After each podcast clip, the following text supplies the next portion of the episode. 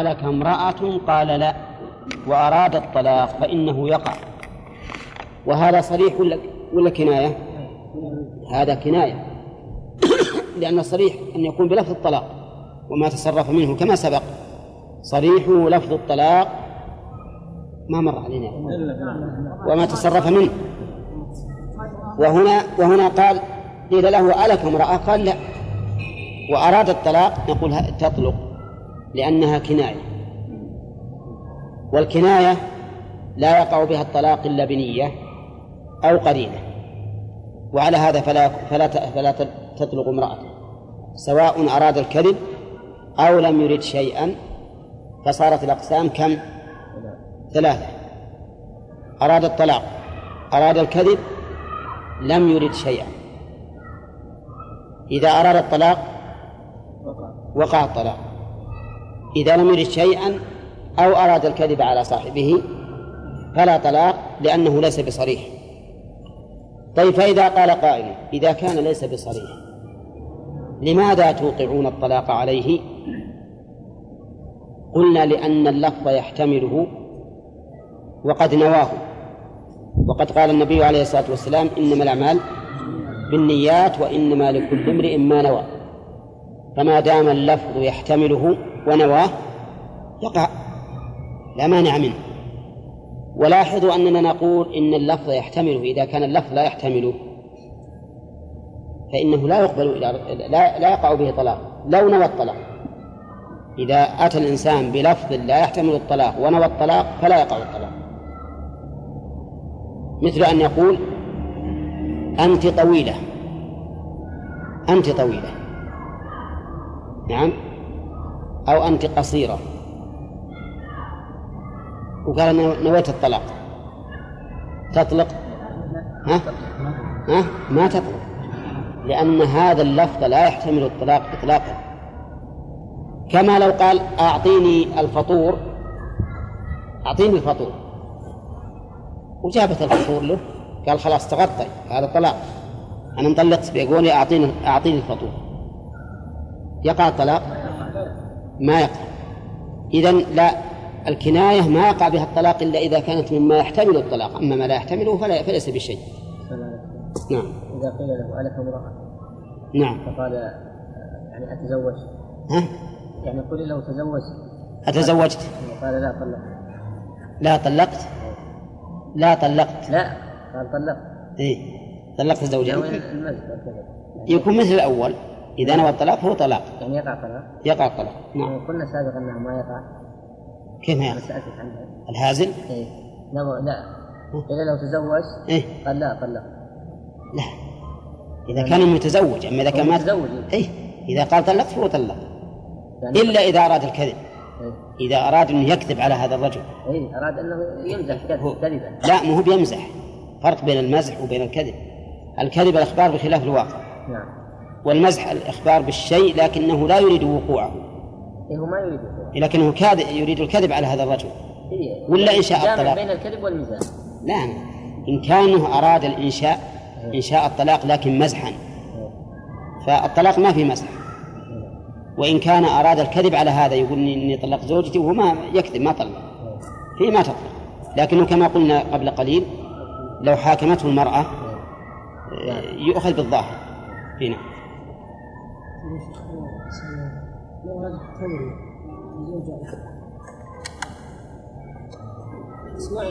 كل من أتى كل من تقدمت لنا هذه في الدرس. إذا أراد أنها طالق من زوج سابق أو ما أشبه ذلك كل من أتى بالصريح ما يقبل حكمه. خلاف الظاهر. تقدم فيه بالشرح بالشرح عبارات ود أن أقرأها لأنها مهمة. يقول وإن كتب. صريح طلاق امرأته بما يبين وقع وإن لم ينوه لأنها صريحة فيه.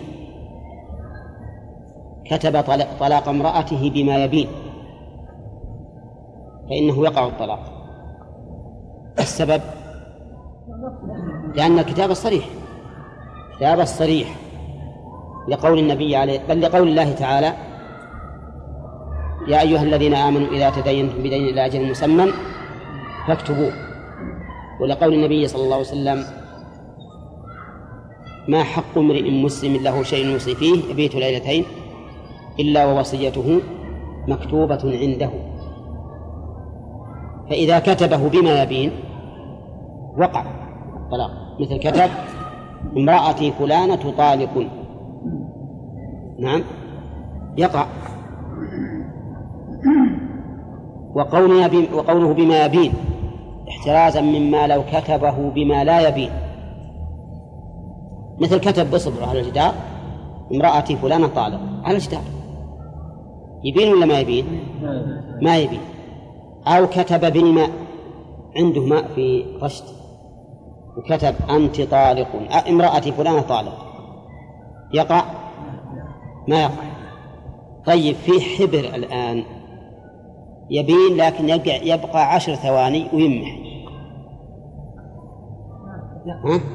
ما تقولون فيه؟ إذا شهد قريب قراءة قراءة غيره. بس لا. هو ما ما ما اطلعت عليه هذا حبر حبر يعني إلى إلى كب على ثوبك مرة. لكن عشر ثواني ما ما يعود كما كان. إذا شاف أحد أشهد عليه طيب. على كل حال ظاهر كلام الفقهاء إنه وإن كان يبين ولو لحظة. ما دام يبين هو طلاق. فإن قال فإن قال لم أرد إلا تجويد خطي أو غم أهلي نعم قبل.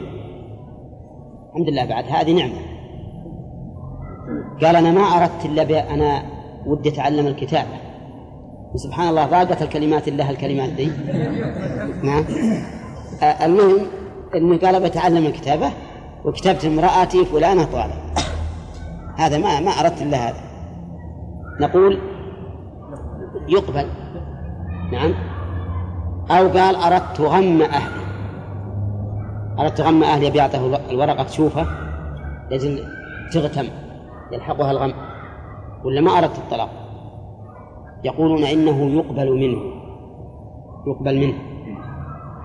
مع أن مع أنهم يقولون إن الكتاب الصريح. والصريح يعني أعلى ما فيه أن نقول إن صاحبه إيش؟ يدين يدين بمعنى أننا نقبله إن إن رضيت المرأة به وإلا في الحكم يلزمه بالطلاق. السبب والله أعلم أنهم فرقوا بين الكتابة واللفظ في هذا المقام لأن العادة أن الذي يريد أن يكتب طلاق امرأته ما يأتي به هكذا لا بد أنه يأتي بشهود ويكون مؤرخا ويكون يعني له شأن. مو هكذا يقول باللفظ. هذا الظاهر والله أعلم أنهم فرقوا بينهم. وإلا فعند التأمل آه، لا, لا يكون بينهما فرق. نعم. يكتب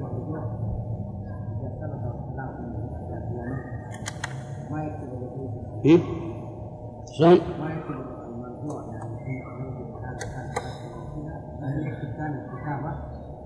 يكتب شلون؟ يكتب؟ اي لا لا مشكلة. مساله مرجوعه ما مشكلة. يعني يكون راجع لكن النبي يحسب عليه من الطلاق.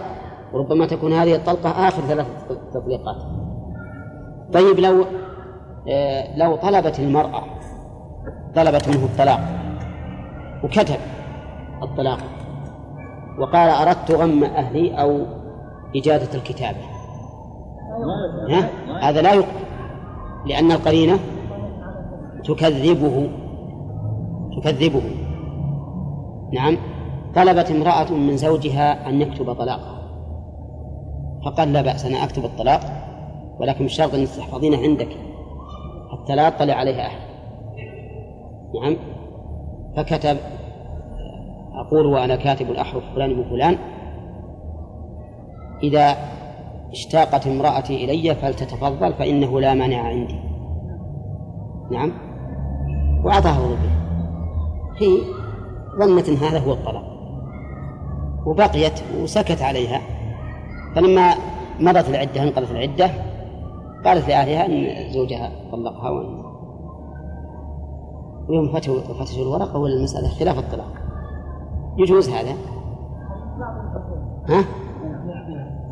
نعم ها؟ ما لا هي اللي طالبة هي تبي الفكة منه. لو جت قبل 20 سنة ما يقع بس لما طلق لا أصل ما في طلاق. ما في طلاق إطلاقا. ولهذا لا ما قال هو إني طلقتك ولا شيء. أهل الحال وش عاد عطاه رقبته ولا فيها شيء. ورقه يبي يفتك من هذاك الشيء لا لا. ما ما اللي, اللي, اللي سمعت من القصة ما قال شيء. بس كتب لها ورقة هذه. لكن كتاب في الورق هذا. دليل على أنه هو ظاهرة هذه تورية يسمونها. تورية ظاهره بالنسبة لها أنه طلق وهو في الحقيقة ما طلق. هنا الواقع يا شيخ. إي نعم. نعم. لا بعد بعد واقع شيء شيء ثاني أعظم من هذا لكن ما ما نريد أن نقولها فتسجل ها- أنتم حاطين عندنا.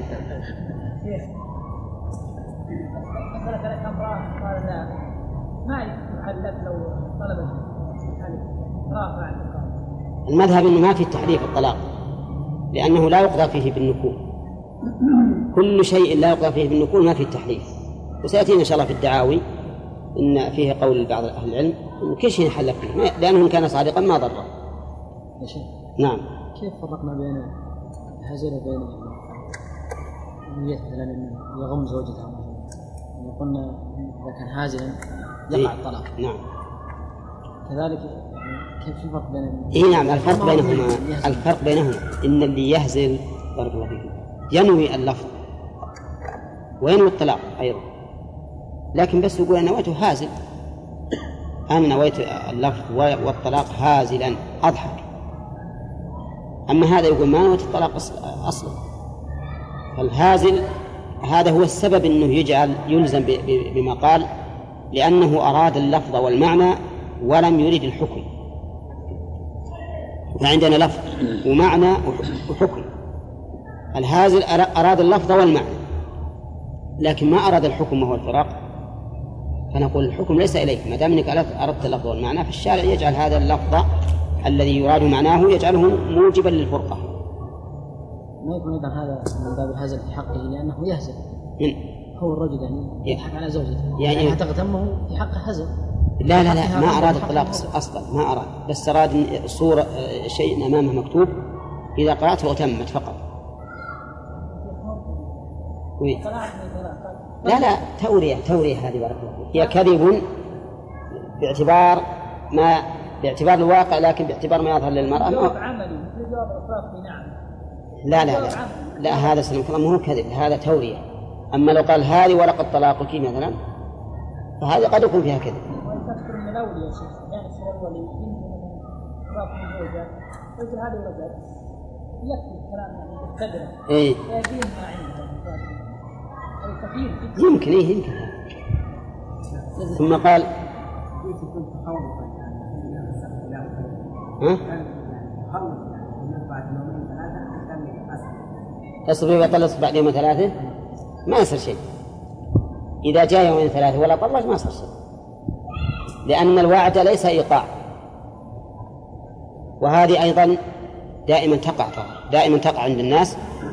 يقول مثلا روح إلى روح إلى هلت وأنا بكتب ورقة أو تلحقت ورقة ثم بعدين يكتب الطلاق.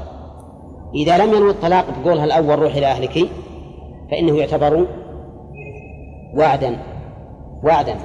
إن كتبه فيما بعد وقع الطلاق. وإلا فلا.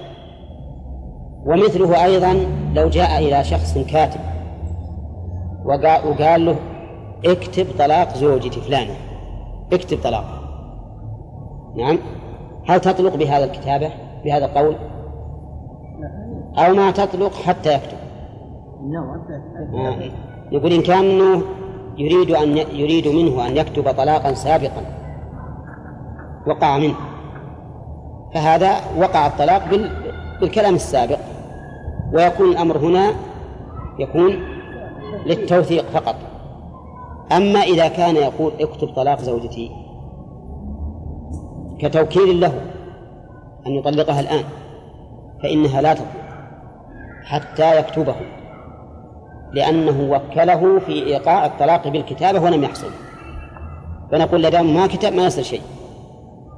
ولهذا إذا قال اكتب طلاق زوجتي فللكاتب أن يقول هل هي طاهر طهرا لم تمسها فيه؟ هل هي حائض؟ هل هي حامل؟ حتى يتبين الوقت الذي يحل فيه الطلاق. ثم عاد يكتب على حسب هذا وله أيضا أن يشير عليه. يقول انتظر. الله يقول فإن كرهتموهن فعسى أن تكرهوا شيئا. ويجعل الله فيه خيرا كثيرا. شيخ بين المعنى نعم. نعم. اللفظ والمعنى والفرق المعنى اللفظ واضح. أيوه. والمعنى واضح أيضا. لأن اللفظ أن يقول نعم أنا أردت أن أقول هي طالق لكن طالق من وثاق مثلا. ما أردت بطالق الطلاق الذي هو فراق الزوجة. أما إرادة اللفظ والمعنى يقول نعم أنا أردت الطلاق وفراق الزوجة لكن ما أردت أن أفارقها. أردت ما أردت أن أن تفارقني. إنما أردت اللفظ والمعنى فقط اللي هو الفراق معنى معنى طلاق أي فراق. لكن ما أردت أن يقع هذا الشيء وتفارقني فيه. فأردتها مزحا فقط. هذا هذا هو الفرق. وهو فرق دقيق يعني ما يحتاج الإنسان يتأمله كثيرا. بين المعنى والفرق إنه هذا المعنى والحكم. المعنى أراد ما يدل عليه لفظ طلاق وهو فراق الزوجة. لكن ما أراد أن يقع الفراق بينه وبين زوجته هذه يعني قال أنا مازح فقط صحيح اني نعم ما عندي ليش؟ وحدي وشلون وحدي؟ ما أراد أن يقع بها زوج. اراد الفراق لكن ما بها يعني بهذه التي وجه إليها الطلاق سواء واحدة ولا ولا ولا أربعة المهم هل الذي وجه إليها الطلاق يقول ما أردت أن يقع بها يعني معناه إني ما أردت أن يكون فراق بيني وبينها لأني أمزح. مثل ما لو لو عقد البيع بين شخص يمزح هو وياه.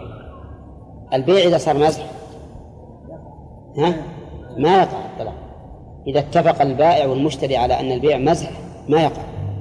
مع أن هذا أراد اللفظ وأراد المعنى وهو التبادل لكنه يمزح. ما أراد أن ينفذ هذا الشيء.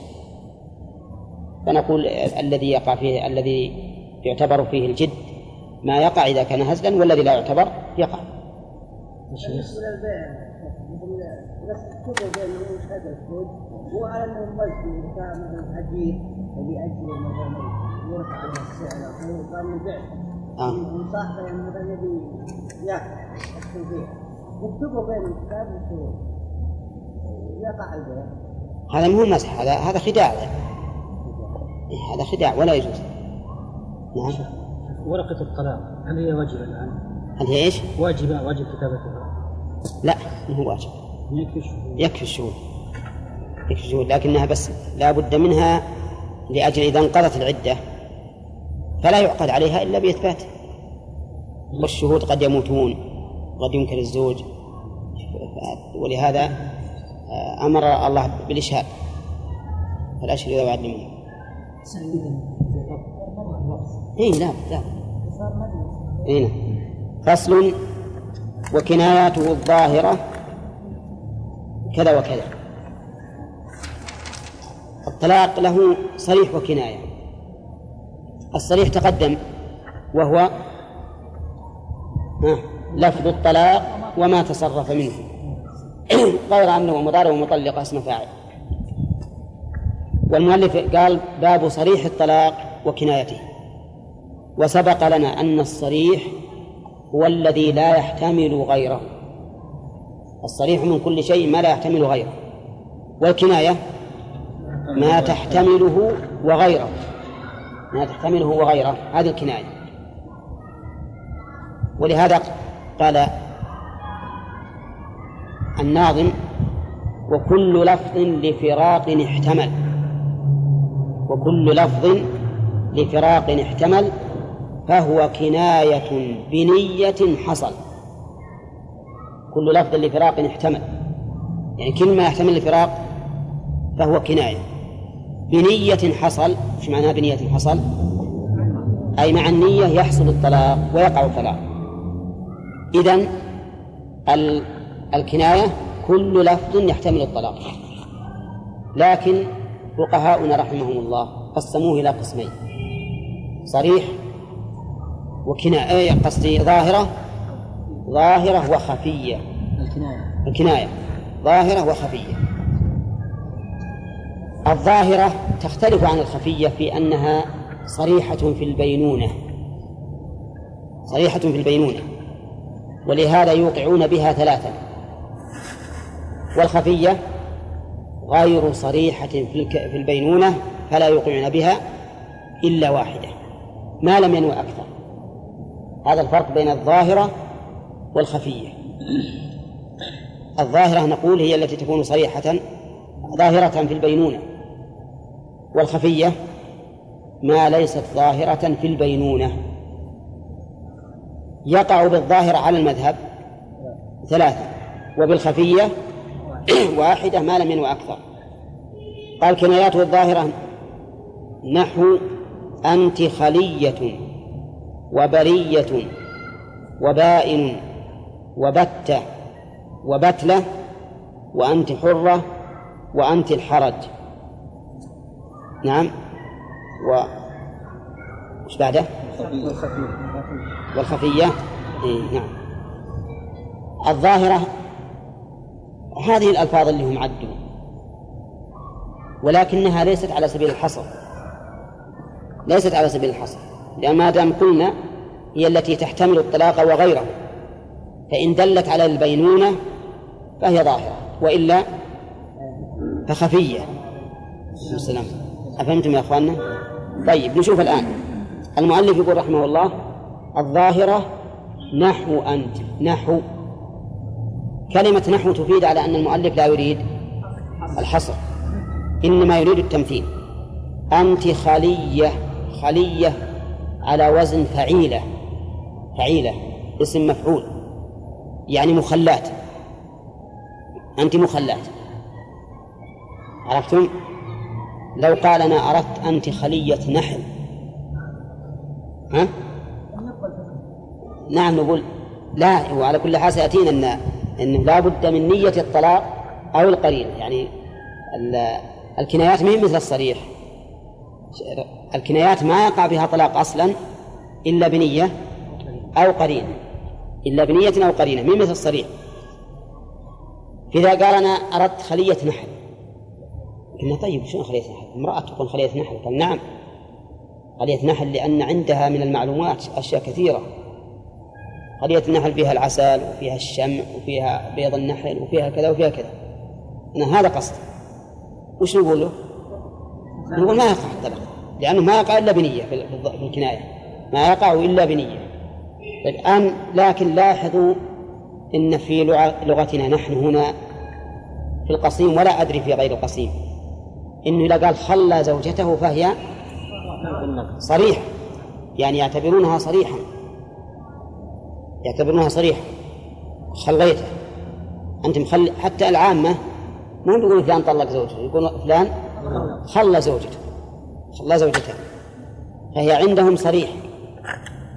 و وقد سبق لنا في كتاب البيع أن الصواب ما اختاره شيخ الإسلام ابن تيمية أن الألفاظ ثياب للمعاني. ثياب للمعاني. وإذا كانت ثيابا لها فإنها تختلف بحسب العرف والزمان.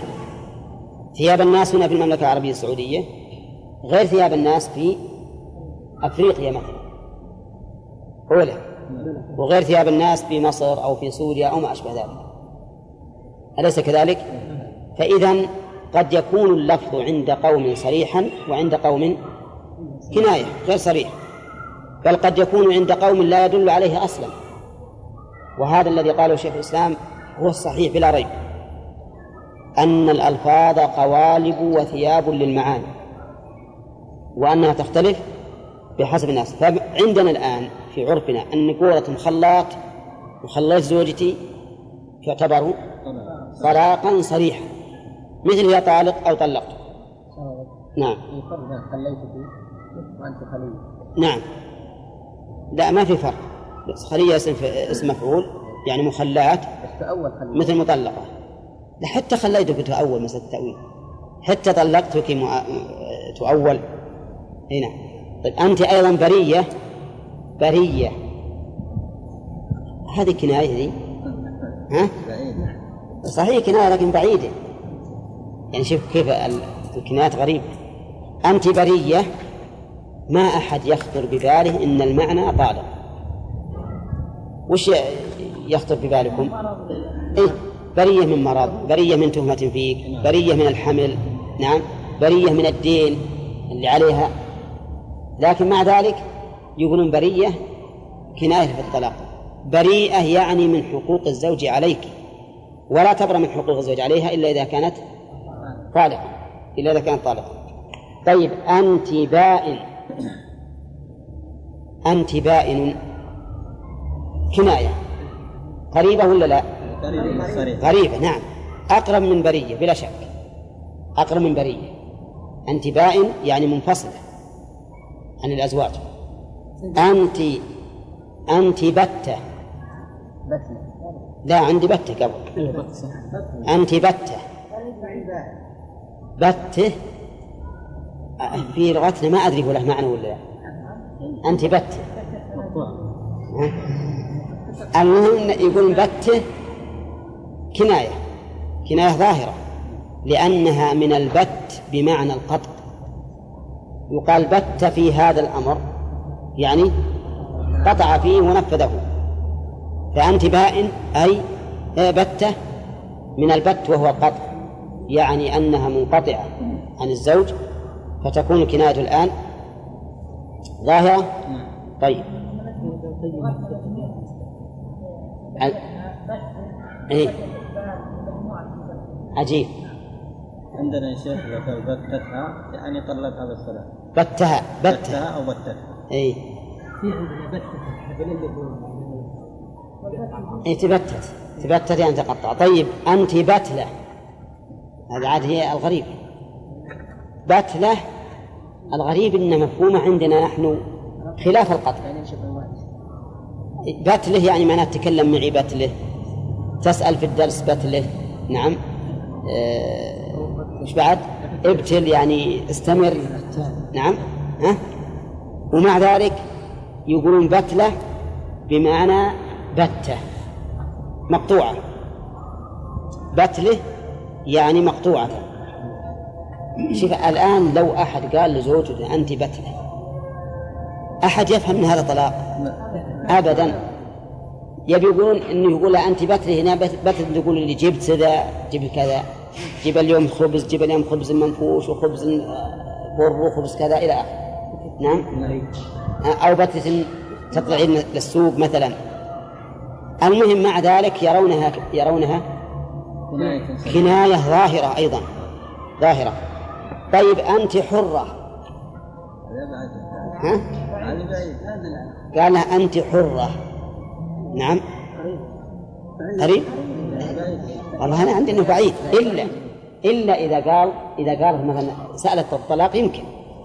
إذا سألت الطلاق يمكن مع أنه حتى لو سألت مثلا ألحت عليه بالطلاق وقال أنت حرة. أنت حرة. أنا عندي أنه ما يفهم منها الطلاق أبدا.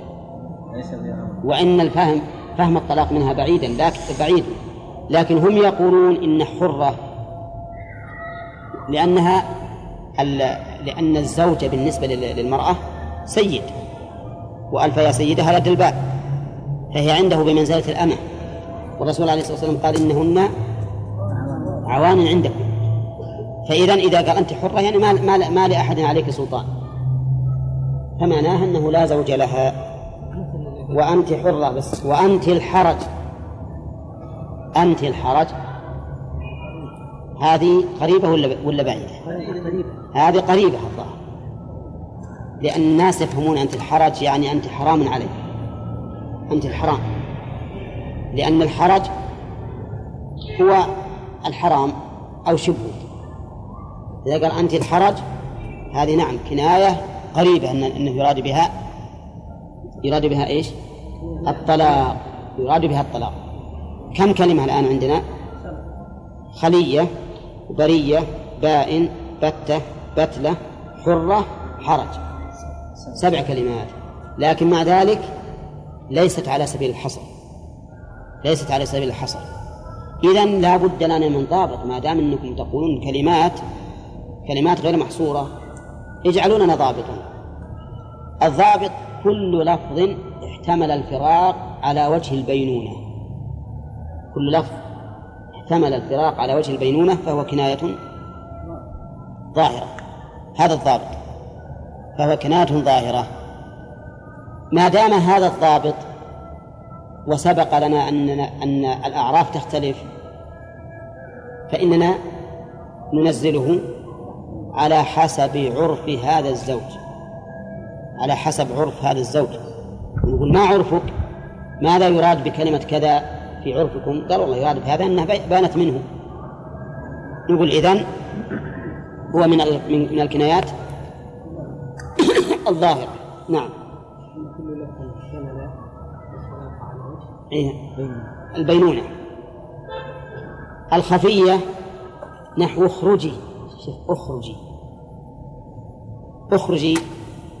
هذا طلاق يدل على الطلاق ولا لا؟ ها؟ اي في قرائن نعم كان في قرائن يمكن. مع إن كثير من الناس إذا زعل مع زوجته وغاضبت يقول اطلعي. ما قصدها الطلاق بس تروح عن وجهه. لكن مع ذلك يقول إنه من الكناية. اخرجي. كذلك اذهبي. اذهبي. نعم. مثل مثل اخرج قريبة منه. ذوقي. ها. قريب ذا؟ إذا صار لها قرينة. لكن رجل كلم زوجته قال ذوقي. لا. نعم لا سيما كان مد له مثل فنجان قال ذوقي. هذا معروف. ليس بطلاق لكن إذا جاءت مجردة عن قرينة فإنها تكون كناية. أنا قصد يعني قصدنا إذا قال أنا أردت بقولي ذوقي الطلاق نقبل نقبل منه ولا لا؟ لأنه يحتمل. لأن الشيء الذي يؤلم الإنسان يقال ذوق. أولا كما قال تعالى ذوقوا عذاب النار. نعم. وربما إنه قال ذوقي يعني ذوقي ألم الفراق فكلامه محتمل. تجرعي. هذا رجل قال زوجي تجرعي؟ قال نعم. وشلون؟ راحت الدعوة؟ طيب. هي هو قال تجرعي مثل ذوق. مثل ذوقي تماما لأن الله تعالى قال في عذاب أهل النار يتجرعه. تكرها ولا تلذذا؟ تكرها. تكرها. ويسقى من ماء صديد يتجرعه. هو قال تجرعي يعني الطلاق. نعم. فنقول هذا مثل كلمة ذوق. مثل كلمة ذوق. تجرد اعتدي؟ هذا واضح نعم. واضح ظاهر لكنها ليست كناية ظاهرة لماذا؟ لأن العدة ليست مقصورة على البينونة. ولا لا؟ عندنا عندنا عد عدتان غير بائنتين أولى. وش؟ الطلقة الأولى والطلقة الثانية. فهذا رجل قال اعتدي نقول نعم كلمة اعتدي واضح أنه يريد الطلاق لأنه ما في عدة إلا بعد الطلاق. لكن هل هي من الكنايات الظاهرة؟ لا لا. من الخفية. لأن الظاهرة يا جماعة مو معناها الظاهرة في المعنى. الظاهرة هي التي تدل على الفراق تحتمل الفراق على وجه البينونة. لكن اعتدي ما تدل على الفراق على وجه البينونة فليست ظاهرة. صارت البينونة مو بكلمة اعتدي. البينونة لأن الطلاق هو الثالث. اعتدي استبرئي. سير عندكم؟ استبرئي. استبرئي. تقدم إن إن تقدم أن قوله أنت برية. ها؟ من الكنايات الظاهرة. واستبرئي يقول من الكنايات الخفية. الفرق بينهما. لأن أنت برية هناك من حقوق الزوج عليك. ولا تبرأ من حقوق الزوج على وجه الإطلاق إلا بفراق بائن لكن استبرئي بماذا؟ الاستبراء معناه هو التربص الذي يعلم به براءة الرحم. التربص الذي يعلم به براءة الرحم. وهذا ظاهر في أنه يريد به إيش؟ الاعتدال. إذا استبراء إلا بفراق. استبرئي و طيب. إيش؟ واعتزلي. اعتزلي أيضا. هي كناية؟ إيه. وش وجه دلالتها على الطلاق؟ لأنه نعم لأن الطلاق عزلة في الواقع. وإن كان يحتمل اعتزلي يعني كوني في فراش وأنا في فراش أو في منزل وأنا في منزل. لكن ما دام يحتمل الفراق نجعلها كناية من كناية الطلاق. واعتزلي. قال ولست لي بامرأة. ولست لي بامرأة. هنا تكون كناية. ها؟ اي لكن كناية ظاهرة ولا خفية؟ لا ما قال لست لي بزوجة. اي نشوف الآن يا أخوان. لست لي بامرأة. في الحقيقة أنها تقرب من البينونة. لأن الرجعية حكمها امرأة حكم حكم الزوجات. المرأة إذا طلق الإنسان امرأته مرة واحدة فيه تبقى في بيته تتشرف له وتتزين له وتتطيب له وتكشف الوجه والذراع والعضد والصدر والبطن. نعم؟ ولا لا؟ نعم.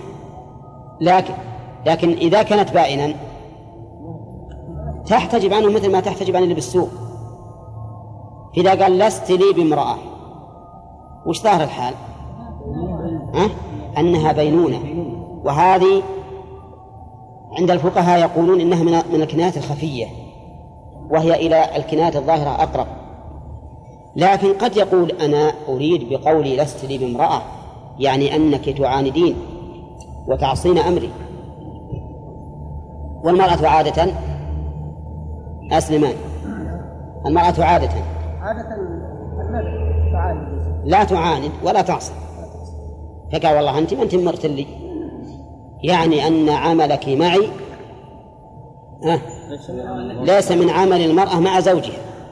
يقول هذا محتمل ولهذا قلنا ليس بصريح بل هو من, من باب الكنايات طيب والحقي بأهلك. الحقي بأهلك. يعني إيش معنى الحقي بأهلك؟ يعني روح لمه الحقي بهم هذه كناية. كناية. خفية ولا ظاهرة؟ خفية.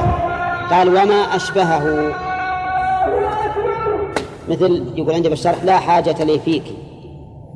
وما بقي شيء. قال والله ما لي حاجة. أو ما بقي شيء. هذا ما بقي شيء بعد يقولون كناية. يعني معنى يمكن معناه ما بقي شيء إلا تدقينا مثلا. نعم؟ يمكن تنزل وتوش عليه قال ما بقي شيء. الله. لا يعني الحقيقة لا ما هي لا ما هي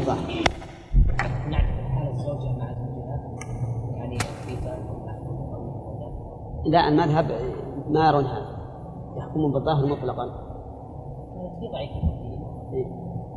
قد مع انه لم هو إذا أنكر لو أنكر الزوج أنه ما حصل منه لفظ معلوم يحتاج إلى إثبات. لا هو يثبت له إيش؟ لكن لا يثبت آه، إيه، على على المذهب في الأحوال الثلاث ما يحتاج إلى نية. وهذا هو السبب اللي حكمنا عليه بالظاهر ما يحتاج إلى نية. ها؟ يعني أقول آه، ما نفرق على حسب لا لا الصحيح الصحيح أنه لابد من النية. الصحيح أنه لابد حتى في هذه الأحوال الثلاث. نعم. لو قال ما أردت غير ما أردت الطلاق. قلنا إذا نحكم بعدم الطلاق. وعليه يمين هو ما حاكم إلى القاضي إما بالنية أو بالقرينة. فكم عددا يقع يقول المؤلف يقع مع النية بالكناية ثلاث وإن نوى واحدة.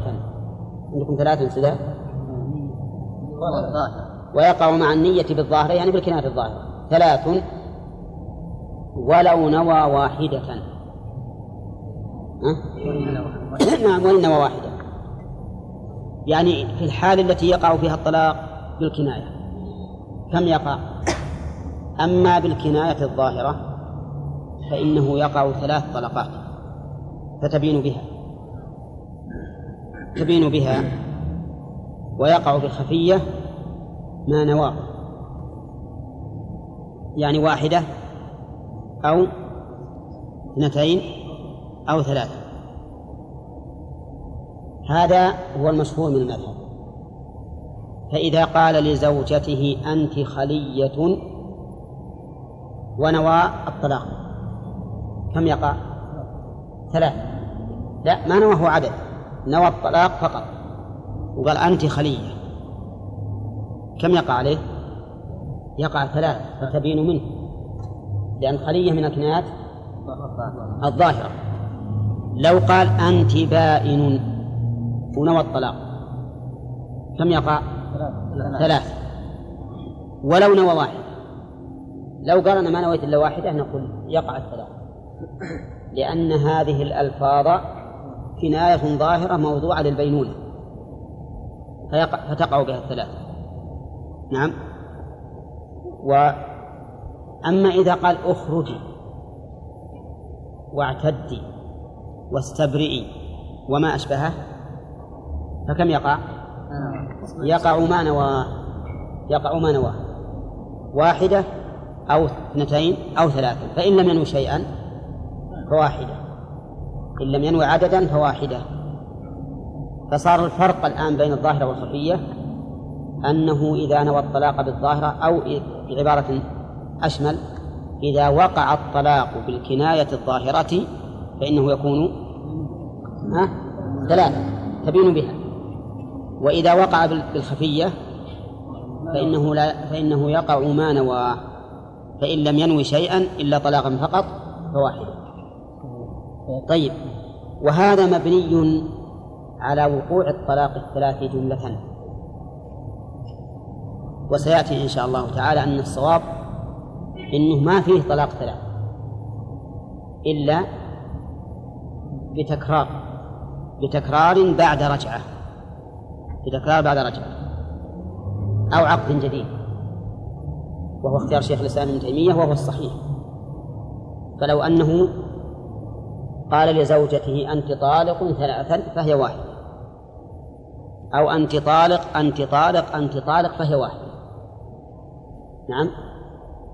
و وإذا كان كذلك وكان باللفظ الصريح لا يقع المكرر إلا واحدة فبالكناية من باب أولى. لكن الكلام هنا على المذهب الذين يرون وقوع الطلاق الثلاث في اللفظة الواحدة يقولون إنه يقع بالكناية ثلاث وقول المؤلف وإن نوى واحدة. إشارة إلى خلاف في المسألة. فإن بعض أهل العلم ومنهم أصحابنا رحمهم الله فقهاء يقولون إنه إذا نوى واحدة بالظاهرة لم يقع إلا واحدة. دليلهم قول النبي صلى الله عليه وسلم إنما الأعمال بالنيات وإنما لكل امرئ ما نوى. وإنما لكل امرئ ما نوى. فإذا نوى واحدة فهي واحدة فإذا قال لزوجته أنت خلية برية بائن وما أشبه ذلك فإنها لا يقع إلا واحدة إذا نوى الواحدة وقيل لا يقع بالظاهرة أيضا إلا واحدة ما لم ينوي أكثر. ما يقع إلا واحدة ما لم ينوي أكثر. وهذا هو القول الثاني ولا غيره؟ لا يقع إلا واحدة ما لم ينوي أكثر. هو الثاني ولا غيره؟ ها؟ لا غير شوف المذهب يقع ثلاثا ولو نوى واحد. والقول الثاني يقع ثلاثا إلا أن ينوي واحدة. والقول الثالث يقع واحدة إلا أن ينوي ثلاثة. صار ثاني ولا ولا هو الأول؟ الأوسط يعني؟ غير. يعني معناه أنه إذا قال أنت خلية ولم ينوي شيئا. فيقع واحدة على القول الثالث.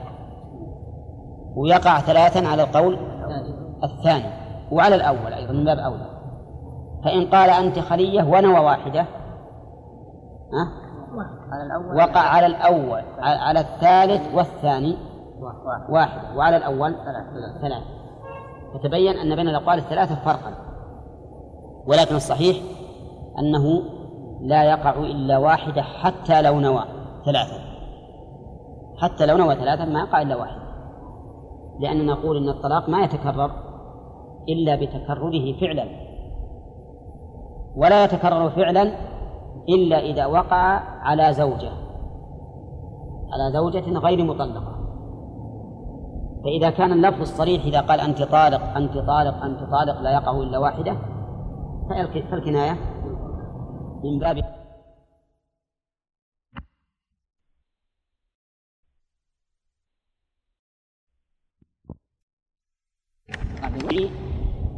مقامين.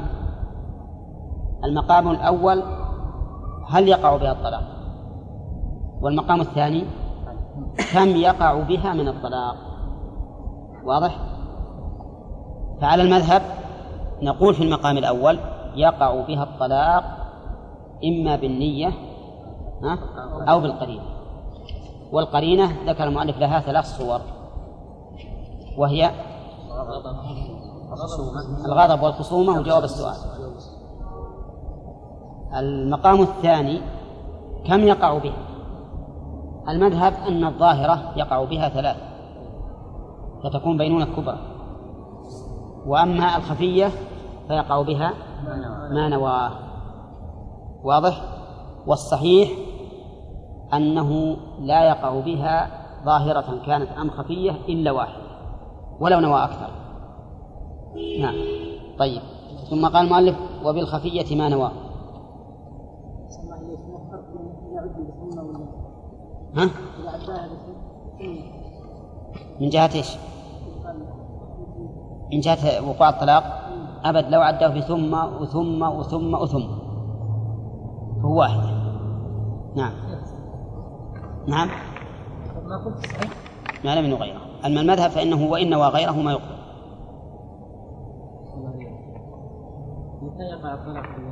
قال أنت علي حرام. ناخذ هذه الكلمة لأنها هي أهم في الباب. إذا قال أنت علي حرام يخاطب من؟ يخاطب زوجته. فهذا لا يخلو من ثلاث حالات ذكرها المؤلف. إما أن ينوي الطلاق أو الظهار أو اليمين. ولهذا المؤلف يقول نعم.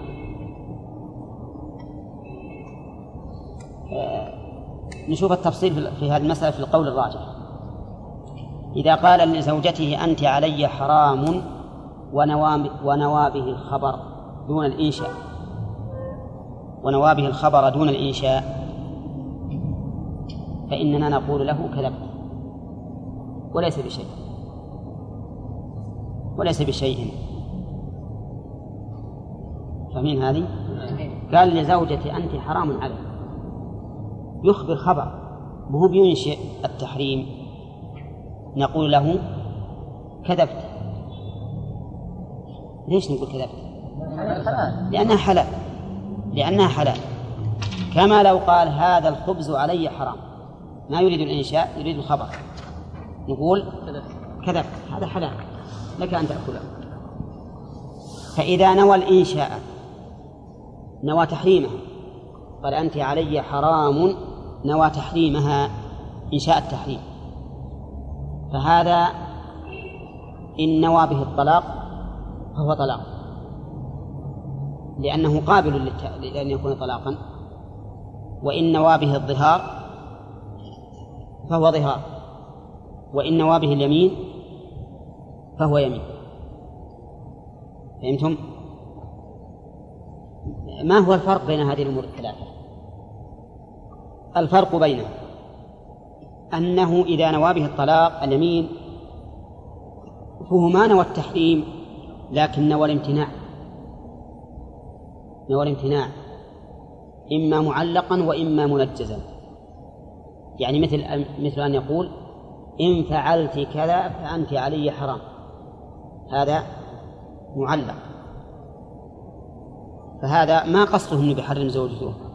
قصده أن تمتنع زوجته من ذلك. وكذلك أنت عليه حرام قصده أن يمتنع من زوجته. فنقول هذا يمين. هذا يمين لقوله تعالى يا أيها النبي لما تحرم ما أحل الله لك تبتغي مرضات أزواجك إلى أن قال ها؟ قد فرض الله لكم تحلة أيمانكم. وقوله ما أحل الله لك ما؟ اسم موصول؟ يفيد العموم.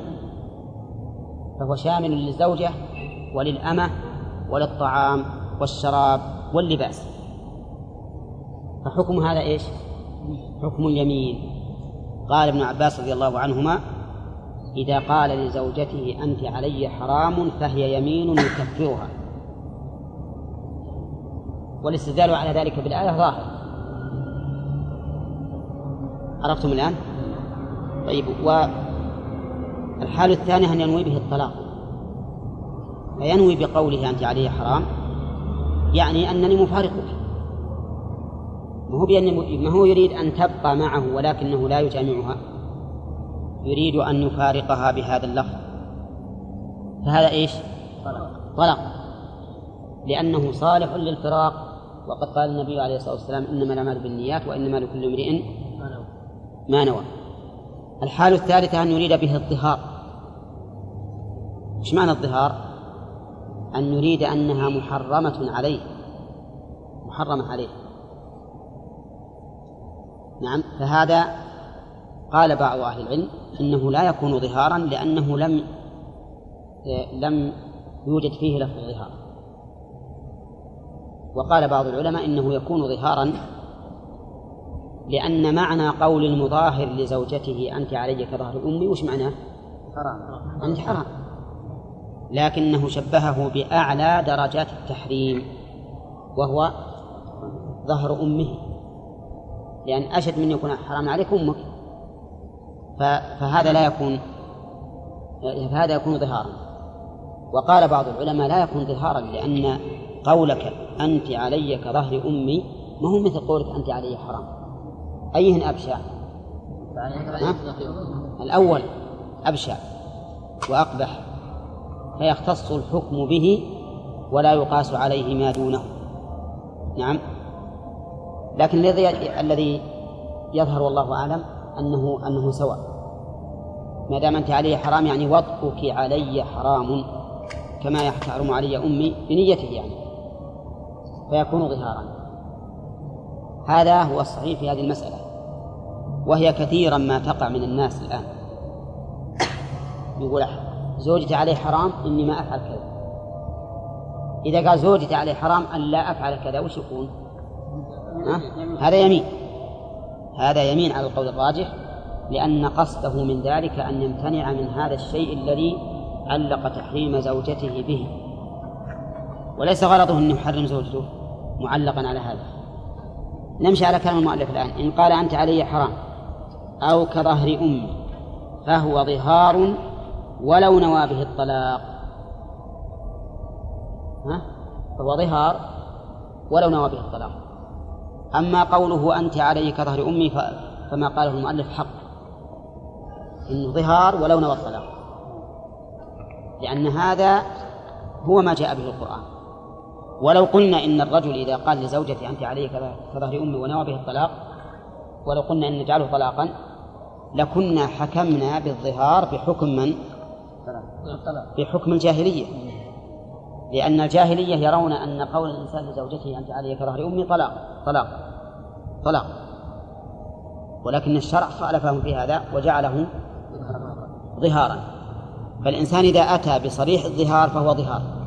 لو نوى به الطلاق ما نجعله طلاقا يقول الزوجة باقية في ذمتك. نعم ولو نويت الطلاق. ولا تقربها حتى تفعل ما أمرك الله به من الكفار. فهمتم؟ لكن أنت علي حرام لا تساوي أنت عليك ظهر أمي لأن عندنا نص في القرآن نصا في القرآن يقول الله تعالى يا أيها النبي لما تحرم ما أحل الله لك؟ ثم قال قد فرض الله لكم تحلة أيمانكم فجعل الله التحريم يمينا. وإخراج الزوجة من هذا العموم يحتاج إلى دليل ولا دليل. هنا. طيب. إذن إذا إذا يكون ظهارا على المذهب. يجعلون قول الإنسان أنت علي حرام كقوله أنت علي أمه يجعلونه إيش ظهارا في كل حال ولا نوى به الطلاق فإذا جاء رجل يستفتينا يقول إني قلت لزوجتي أنت علي حرام وش ترد؟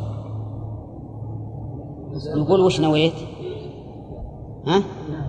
لا ما نقول على على المذهب على المذهب ما نقول ما نويت وش نويت؟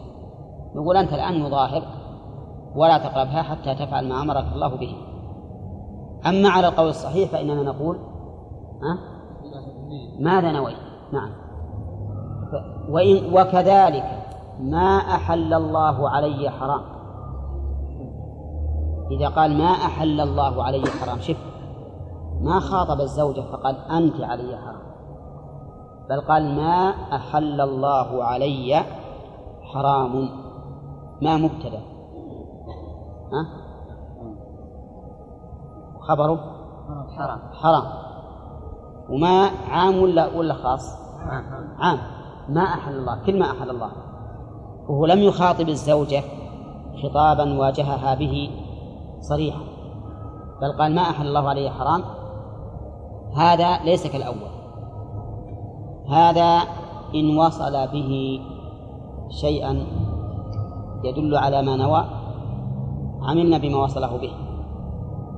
وإن لم يصل به شيئا فإننا نجعله ظهارا. لأن المؤلف يقول وكذلك الكاف للتشبيه وذا اسم إشارة يعود على إيش؟ يعود على ما سبق. من قوله أنت علي حرام يعني وكذلك إذا قال أنت علي حرام فهو ظهار إلا أنه هنا إن وصله بقوله أعني به الطلاق طلقت ثلاثا وإن قال أعني به طلاقا فواحدة. إذا هذه المسألة أخف من الأولى. فإذا قال ما أحل الله علي حرام أعني به الطلاق. ماذا يكون؟ يكون طلاقا وكم يكون؟ ثلاثة. لأنه أتى بأل الطلاق الدالة على الكمال وكمال الطلاق ثلاثة كمال الطلاق ثلاثة وإن قال أعني به طلاقا طلاق النكرة في سياق الإثبات فتكون مطلقة ولا عامة؟ ها؟ تكون مطلقة لأن النكرة في سياق الإثبات للإطلاق وليست للعموم فإذا قال أعني به طلاقا كم يكون؟ يقع الطلاق ويكون واحدة. ولهذا قال وإن قال أعني به طلاقا فواحدة. زين. اللفظ الثالث وإن قال كالميت والدم والخنزير وقع ما نواه من طلاق وظهار ويمين وإن لم ينو شيئا فظهار. قال لزوجته يخاطبها قال أنت عليك الميت أو كالخنزير أو كالدم أو كالكلب أو كالهر أو ما أشبه ذلك من المحرمات. قلنا الآن وش تنوي قال ما نويت شيء ما نويت شيئا. ماذا يكون؟ ها؟ يكون ظهارا. لأن معنى أنت كذا أنت كالميتة والدم والخنزير معناها أنت عليه حرام فيكون ظهارا. وإن قال نويت الطلاق فهو طلاق وإن قال نويت اليمين فهو يمين. والصواب من جميع هذه المسائل كل هذه الصور يقع فيها ما نواه من طلاق وظهار ويمين إلا مسألة واحدة. ما هي؟ الظهار. إذا قال أنت كظهر أمي فإنه ظهار طالق. إيش هذا؟ تعليق ما يحتمل اليمين. ها؟ ما يحتمل اليمين لأنه بحالف أن الشمس ما تطلع. لو يحالف ألف مرة فالشمس ماشية تجري. واضح؟ إذا هذا تعليق بلا شك. لو ادعى أنه يمين قلنا ما نقبل منك. إن كانك ادعيت أنه يمين حنا حجرنا عليك ومنعناك من التصرف مالك وروحناك لمرستان وش السبب؟ لأنه مجنون. واحد يحالف على الشمس أنها ما تطلع طيب الصورة الثانية. قال لإنسان علي الطلاق إني ما ما أكلمك. أو إن كلمتك فامرأتي طالق. وش يظهر من هذا؟ أنه يمين. يظهر من هذا أنه يمين لأنه لا علاقة بين مكالمة هذا الرجل طلق امرأته. فالذي يظهر منه أنه أراد اليمين يعني أراد تأكيد الامتناع من هذا الفعل. الصورة الثالثة أن يقول لزوجته إن فعلت كذا فأنت طالق هذا لا يحتمل حقيقة يحتمل. نقول له إن كنت تريد أن تتركه زوجتك وأنها لو فعلته فنفسك متعلقة بها تريدها ولو فعلته لكن أردت أن تمنعها بهذه بهذه الحلف فهو فهو يمين لأنه ما أراد الطلاق. يقول أكره شيء إنه إنه يطلق زوجته لكن نظرا إلى أنها تحبه ولا يمكن ت... ولا ترضى أن تفارقه هددها بهذا الشيء. وإن كان قال لا أنا قصدي أنها إن فعلت هذا الشيء فقد طابت نفسي منها. ولا أبيت فهذا تعليق. إذا فعلته طلقت هذا هو. هذا هو القول الصحيح في هذه المسألة. و... وسيأتي إن شاء الله في باب تعليق الطلاق الشروط نعم. نعم. ها؟ لا. لأن هنا في مسألة المعاملة مع الغير ما في لغو. يؤخذ بظاهر الحال. نعم. ما فيه قليل. اللغو كيف يعني؟ هازل. الهزل. آه. جارنا على لسانه هذا يمين. هو إذا قلنا أنه يمين فاللغو مثل اللغو باليمين الصريح. ما يكون شيء. ما يكون شيء. نعم. نعم. رحمك الله. نقول ان الحلف بغير الله شرك. طب وكيف؟ الحلف القسم هذا بمعنى اليمين وليس يمين ولهذا قال الله عز وجل لما تحرم ما أحل الله لك تبتغي مرضات أزواجك. ثم قال قد فرض الله لك الحج فهذا معناه معنى اليمين. وال- والحلف بغير الله بصيغته المع- الصيغة المعروفة إيه. ثم قال وإن قال لزوجته أمرك بيدك. أمرك بيدك ملكت ثلاثا ولو نوى واحدة ويتراخى ما لم يطأ أو يطلق هذا رجل قال لزوجته أمرك بيدك أمرك بيدك يتصور هذا ولا ما يتصور؟ ها؟ يتصور؟ يعني مثل هو قال الحين تقول أبيك تطلقا قال أمرك بيدك يمكن يقع. هذا أمرك بيدك تأملوا أمر مفرد مضاف. مفرد مضاف. فيكون ها؟ يكون عاما يكون كل أمره بيدها ومن جملته أن تطلق نفسها ثلاثا. لأن هذا من أمرها. وأن تطلقها ثنتين. وأن تطلقها واحدة. وأن لا تفعل شيئا. وأن تطلقها أربعا. ها؟ أو, أو هذا ما في فائدة. إذن يكون اللي بيدك كم؟ أربع أن لا تختار شيئا. وأن تطلق واحد. وأن تطلق ثنتين وأن تطلق ثلاث ولهذا قال ملكت ثلاثا ولو نوى واحدة. لو نوى واحدة هي تملك الثلاث. لماذا نقول تملك ثلاث ولو نوى واحدة؟ إذا قال أنا كان أمرك بيدك ظن منها أنك تطلق مرة واحدة. ما ظنيتك أنك تطلق ثلاث. يقول لكن ما ينفع هذا. لأن ظاهر لفظك وش ظاهر لفظه؟ العموم. أمرك. ليش إنك تأتي بهذا؟ نعم.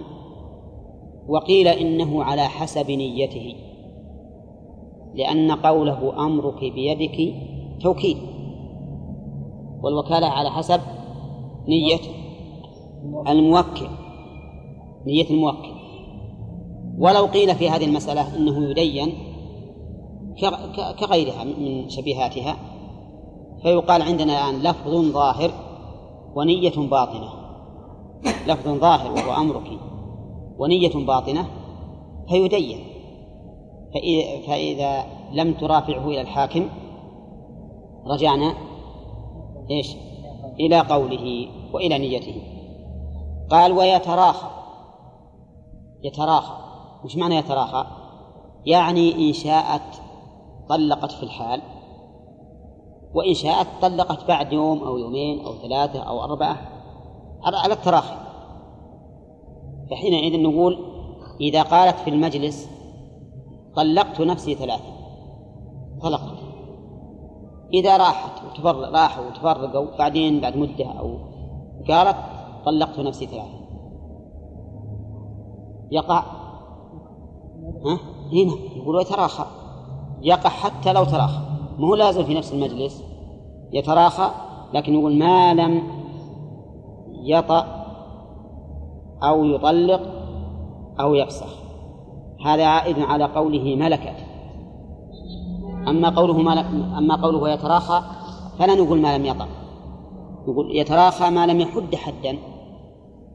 فإن حد حدا قال أمرك بيدك هذه الساعة.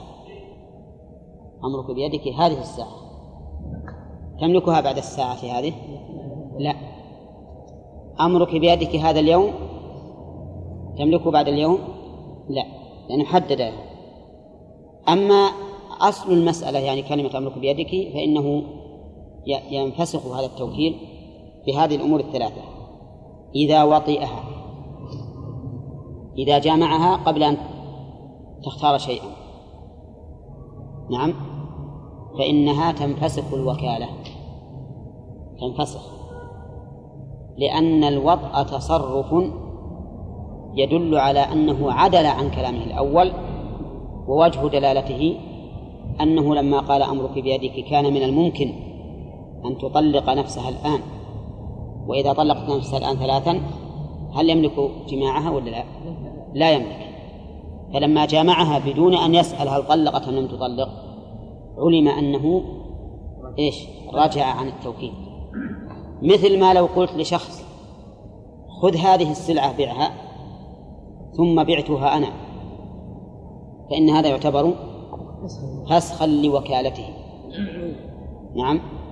أو قلت وكلتك على أن تبيع بعيري وكلتك تبيع بعيري وراح الرجل وجاءني ضيوف فذبحت البعير. ها تنفسخ الوكالة ولا لا؟ تنفسخ. نعم. إذا إذا جامع زوجته التي قال لها أمرك بيدك انفسخ. انفسخ هذا هذا القول. كذلك أو يطلق أو يطلق. كيف يطلق؟ هو. يطلق. إذا قال أمرك بيدك وسكتت هي بعدين تحسن قال خاف الحين تطلق نفسه الثلاثة فقال أنت طالق. أنت طالق. مرة ولا ولا ثلاث؟ قال أنت طالق بس مرة. كم تطلق؟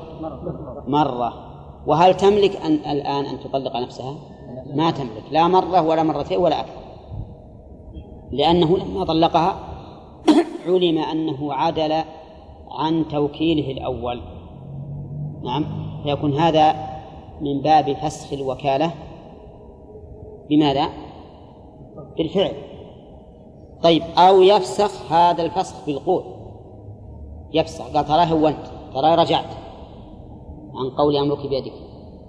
فمعلوم إذا رجع فللوكيل فللموكل أن يرجع في وكالته كما أن للوكيل أيضا أن يفسخ الوكالة. أفهمتم الآن؟ طيب هذا الرجل قال لزوجته أمرك بيدك. فقالت طلقت نفسي ثلاثة ما تقولون؟ تطلق ثلاثة قال أمرك بيدك ثم قال أنت طالق. تطلق نفسها ثلاثا؟ ها؟ كيف؟ آه لأن تطلقه لها فسخ لوكالته قال أن أمرك بيدك ثم رجع وقال رجعت في في هذا. ها تملك؟ ما تملك لأنه فسخ.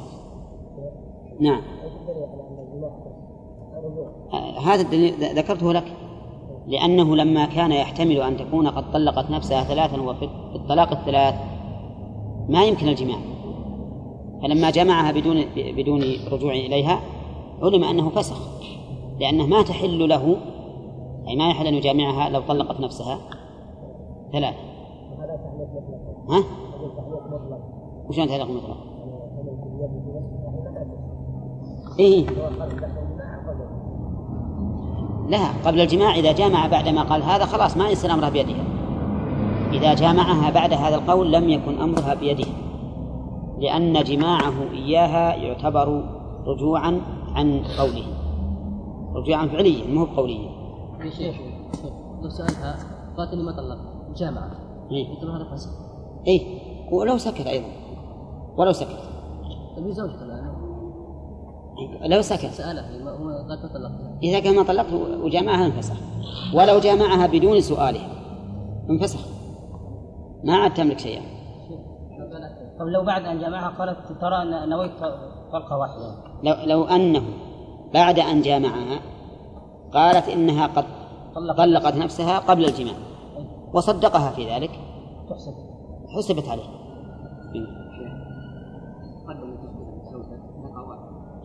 هنا الجمع بينه واضح. لأنه قال أمرك هو أمر مضاف مفرد مضاف فيكون العموم ما يخصص لا- لأن هذا لأن هذا هذه الصيغة تقتضي التوكيل بالطلاق مطلقا. كما لو قال فيما سبق إيه، قال وكلتك في في طلاق نفسك ما شئت. فلها أن تطلق ثلاثة بس الله إليك. كيف إذا قالت إني طلقت نفسك جمعها بعد الطلاق؟ نعم. يصير هذا الشيء. إيه يصير. يمكن. وما دري مثلا. فإن كان أن الطلقة وحده وهي رجعية فإن هذا الرجوع على المذهب يعتبر رجعة. الآن رجعت إليه ويحسب عليها الطلقة. أما إذا قالت إني طلقت نفسي ثلاثا صار هذا الجماع جماع شبهة لأنه ما علم أنها طلقت. يصح أن يكون أو ابيك نعم. أي نعم يصح يصح ويكون هذا توكيل لهم. يكون هذا توكيل لهم. هم يطلقون ولا يطلقونهم. ما تطلقهم. إذا قال أمرك بيد أبيك أو بيد أمك ها؟ أقول حتى لو اصطلحوا اصطلح وش عليه يعني ها؟ يعني يكون مستمر يعني الوكالة مستمرة حتى لو اصطلحوا؟ لا أبدا. هو يقدر يفسخ بلحظة. كل الوكالات يجوز للموكل أن يفسخ. ما هي مشكلة الوكالة؟ قال ويختص ويختص اختاري نفسك بواحدة وبالمجلس المتصل. فالفرق بين العبارتين. اختاري نفسك. ها؟ يختص بواحدة. بمعنى أنها لا تملك أن تطلق نفسها ثلاثا. نعم. كذلك يختص بالمجلس المتصل. يعني لا يتراخى.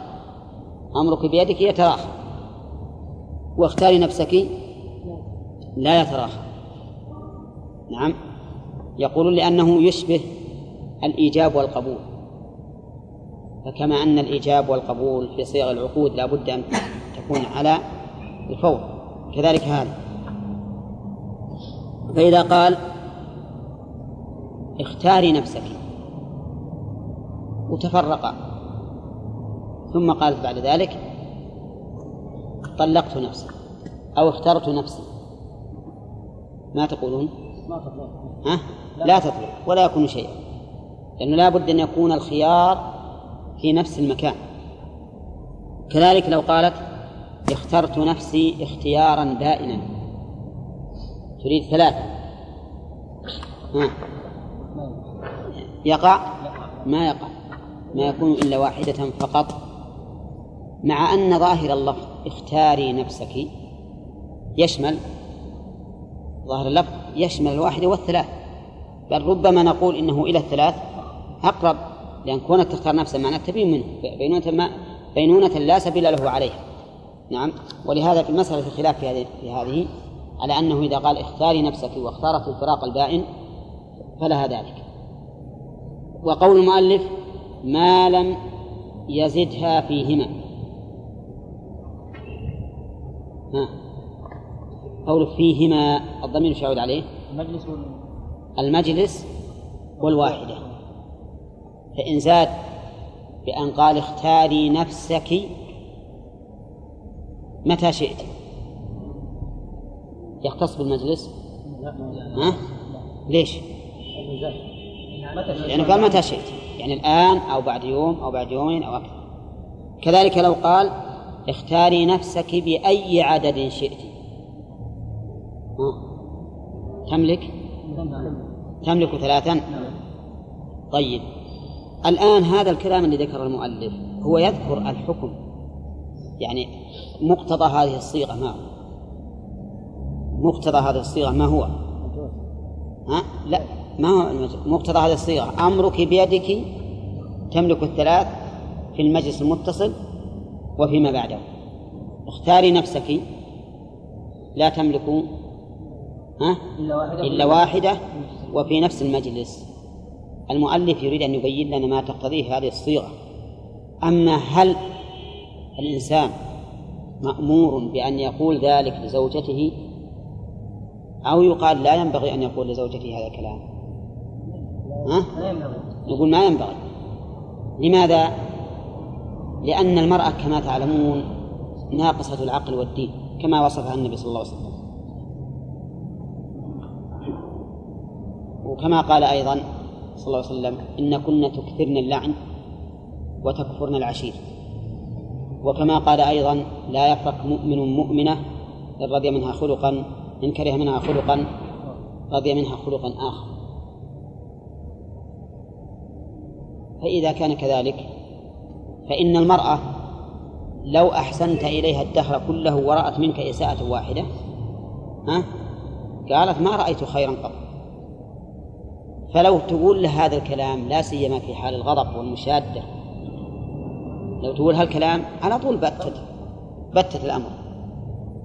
فتندم هي ويندم الزوج.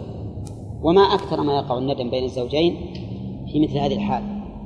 أحيانا تكون هذه الطلقة آخر طلقاته وهي تمسك وتكتم نفسه وتغوله غول وتقول طلقني. نعم. إلى من شاف أنه بيموت ولا يطلقه راح يطلقه هم تندم هي وهو.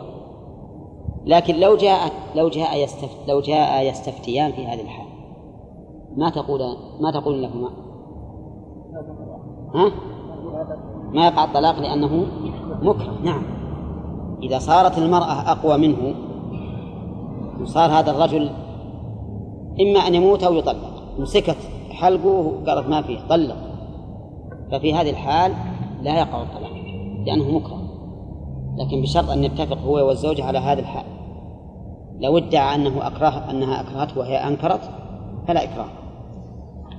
ثم قال المؤلف رحمه الله فإن ردت أو وطئ أو طلق أو فسخ بطل خياره. نعم. إن ردت هي. قالت قال أمرك بيدك. أو قال اختاري نفسك فقالت لا أريد ذلك. لا أريد. تملك هذا بعد؟ ها؟ ما تملك. كما لو قلت لشخص خذ هذا الشيء بيعه فقال لا والله ما نبأ ما نمتلك لك في بيعه ثم بعد ما رحت جاء وأخذه وباعه يجوز ولا لا؟ لا يجوز. ما دام رد انقطعت الوكالة. وكذلك هي إذا ردت في قولها أمر في قوله أمرك بيدك أو اختار نفسك فلا يقبل وكذلك لو وطئ أو طلق أو فسخ كما سبق فإنه يبطل خياره. نعم. بقي علينا الآن مسائل ذكرها بالشرح مهمة وهي قوله ومن طلق في قلبه يقع. إيه لم يقع. من طلق في قلبه لم يقع. إنسان بنفسه أضمر أنه انطلق من زوج يقول المؤلف إنه لا يقع الطلاق. السبب لقول النبي صلى الله عليه وسلم إن الله تجاوز عن أمتي ما حدثت به أنفسها ما لم تعمل أو تتكلم. وهذا الرجل حدث نفسه بالطلاق فلا فلا فلا يقع الطلاق نعم. ولأن الطلاق عقد أو فسخ والفسخ لا بد أن يكون باللفظ كالعقد. طيب كذلك يقول وإن تلفظ به أو حرك لسانه وقع إن تلفظ به وقع ما في أشكال. إذا تلفظ بالطلاق فإنه يقع الطلاق. أو حرك لسانه لكن ما لفظ. حرك لسانه لكن ما لفظ. يقول المؤلف إنه يقع الطلاق. والصواب أنه لا يقع. الصواب أنه لا يقع. لأنه ما وقع ما وجد اللفظ. والطلاق لفظ وهذا ما وجد منه لفظ. طيب لو كان مصابا بالوسواس. مصابا بالوسواس. نعم. وجرى على لسانه بدون قصد زوجتي طالق. ما تقولون؟ ما يقع الطلاق. طيب لو أنه ما جرى على لسانه بدون قصد قصد الطلاق. لكن قال بفتك منه الوسواس. يقع الطلاق ولا لا؟ إنسان الله يعافينا وياكم الموسوس له حالات. شاف إنه ضاقت عليها نفسه. قال بقول امرأتي طالق علشان افتك منها الوسواس. وقال هالكلام. يقع الطلاق ولا لا؟ ما يقع؟ قال يتكلم لا قاصد يقول بس بفتك ها؟ أيضا من الوسواس. هذا نعم. ما يقع لأنه مغلق عليه. وقد قال النبي عليه الصلاة والسلام لا طلاق في إغلاق. لا طلاق في إغلاق. طيب رجل موسوس في في الطهارة وشكه خرج منه شيء ولا لا؟ قال بروح أبول علشان أتيقن. ها؟ خلاص. إيه بال إيه. نعم بال. أو لمس ذكره مثلا أو أحدث بريح.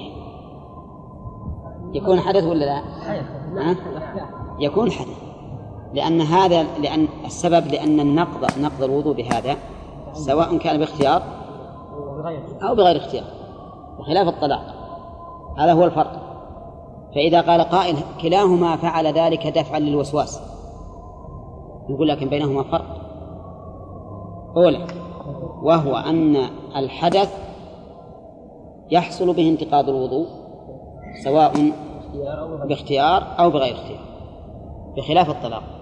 هنا ثم قال باب ما يختلف به عدد عدد الطلاق.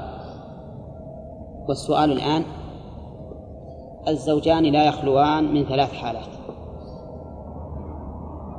إما أن يكونا حرين أو رقيقين أو أحدهما حر والثاني رقيق.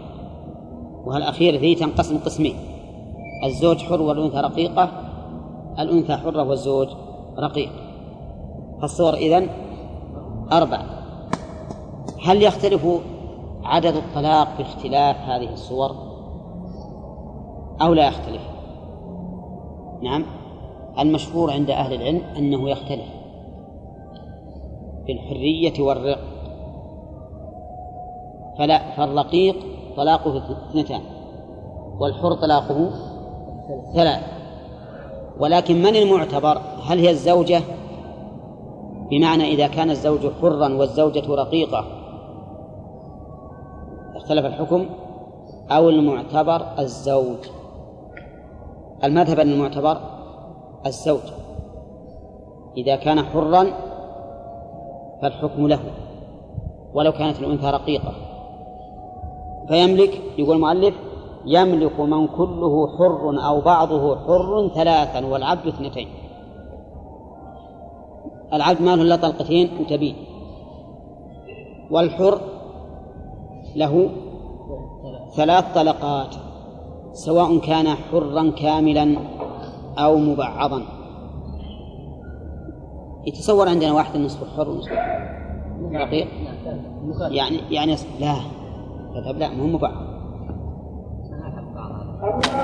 يعني علو حر وتحتيه رقيق. ها؟ أو بالعكس. تحتيه حر وعلوه رقيق. لا لا. ها؟ لا أعتقد واحد المالكين. نعم. كل مالكين يعتقد أحدهما. أي نشوف بعد الأذان نشوف الصورة